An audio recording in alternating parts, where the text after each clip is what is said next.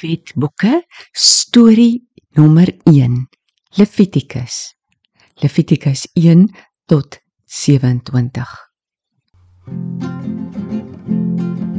Lekker lekker storie tyd. Die Bybel vat ons ver en wyd. Stories van die ou ou tyd God se liefde vanaf daardie tyd sy liefde loop deur ons eie tyd tot Jesus kom vir die ewigheid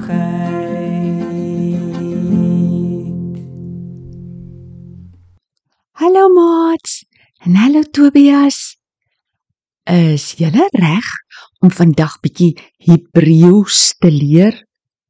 Hebreëus. Hallo Tannie Karen. As Tannie dalk tikkie deur na kor. Ons straat mos Afrikaans hier.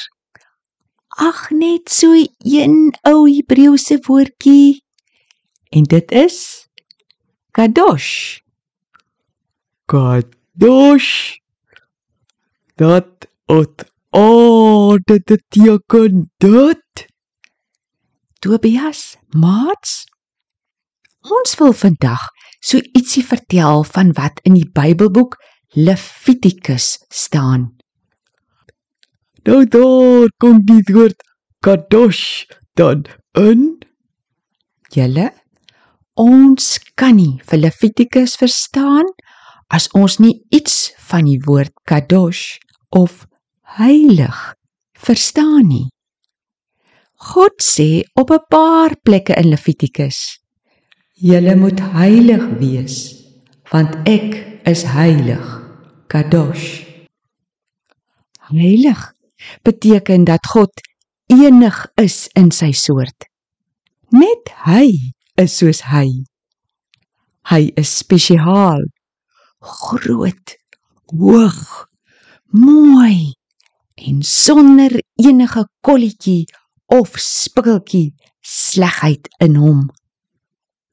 God het vir Israel gesê dat omdat hy heilig is, moet hulle as sy volk hulle self ook eenkant sit en nie slegte dinge doen nie sodat die ander volke kan sien dat God heilig en wonderlik is.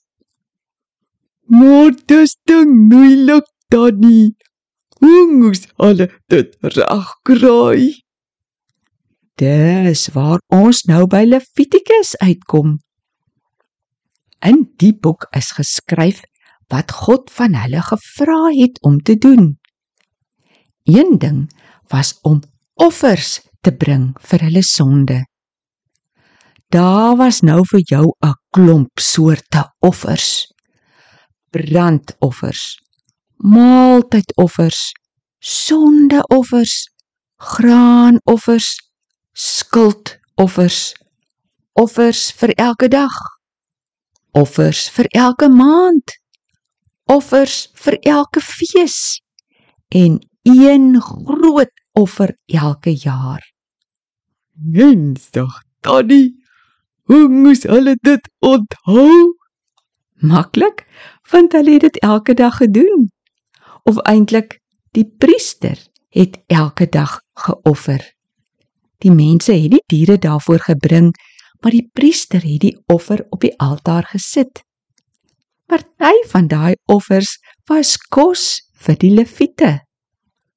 Mm. Dis nou interessant. Het hulle die offers met vuurhoutjies aangesteek? nee, Tobias. Die vuur op die altaar was spesiaal en het nooit opgehou brand nie. Voor die vuur heeltemal dood is, het hulle alweer die volgende offer gebring. Hulle mag ook nie kole van buite af ingebring het om die besigheid so bietjie lewe te gee nie. Om die waarheid te sê, Nadab en Abihu, twee seuns van die priester Aaron, het eendag sommer ander kole gaan haal in die tabernakel ingebring en toe gebeur daar 'n vreeslike ding. Daar het vuur van die Here afgekom en hulle al twee verbrand. Dit's vreeslik verskriklik, Tannie. Hoekom dan?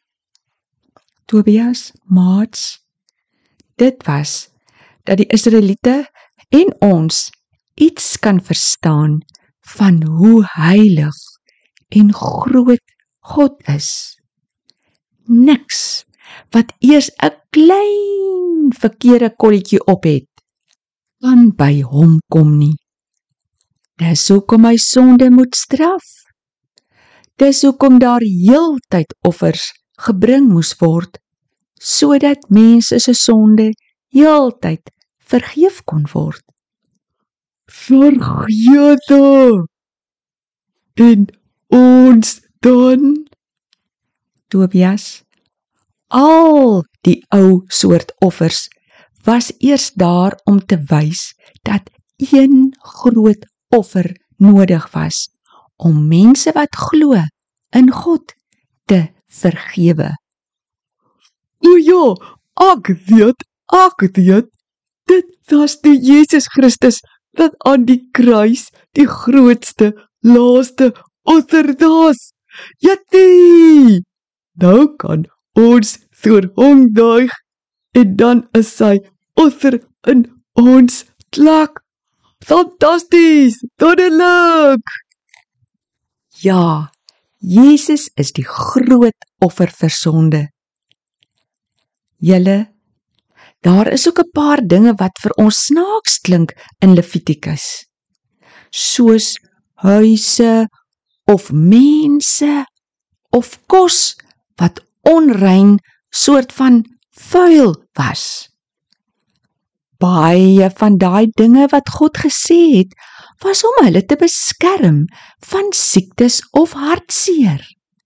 Byvoorbeeld, as iemand 'n uitslag op sy vel gehad het, het hy onrein geword en moes hy vir 'n tyd buite die kamp gaan bly. O, dis seker dat hy die ander mense moes aansteek nie. Ek sou so dink, Tobias. Hulle mag ook nie vet of bloed geëet het nie. Al het hulle nog nie daai tyd geweet dat vet ongesond is nie, het God dit al vir hulle gesê.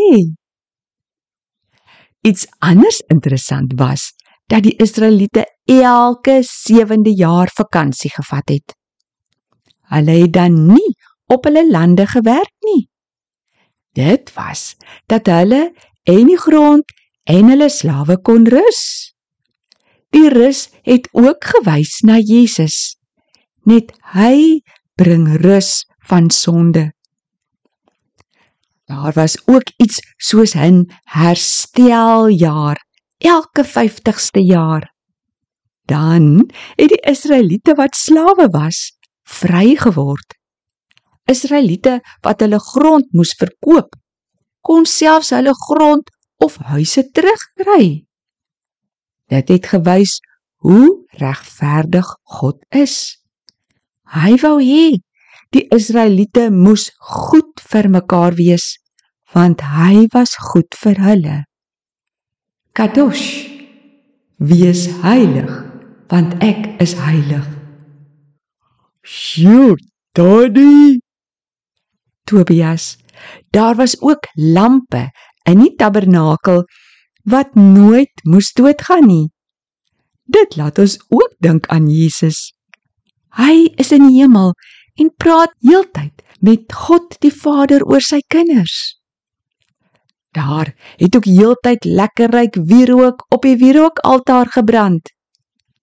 Dit laat ons dink aan gebede tot God van mense wat God wil dien met alles wat hulle het en doen en hulle gedagtes. Hoi.